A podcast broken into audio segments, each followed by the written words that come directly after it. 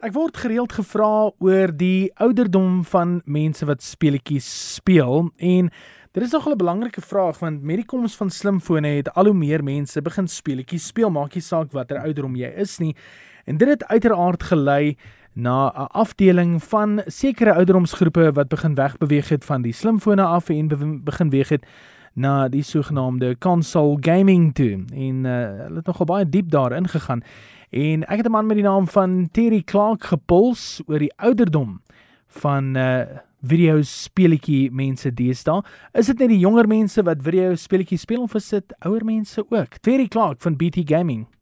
No, we are gamers of all ages and sexes nowadays. There's been a massive growth in female gamers and streamers over the last year or so. Also, there's been an, a massive increase in the elderly getting involved with gaming and streaming. A lot of free times on your hands when you when you're retired and such like that. Just as a good example on that, uh, for instance, there's a lady called the Grandma uh, Gaming Grandma. She's an 80-year-old lady that streams a game called Skyrim. She's been so good and popular at it, the publishers of the of the title have actually added her as a non-playable character into the game.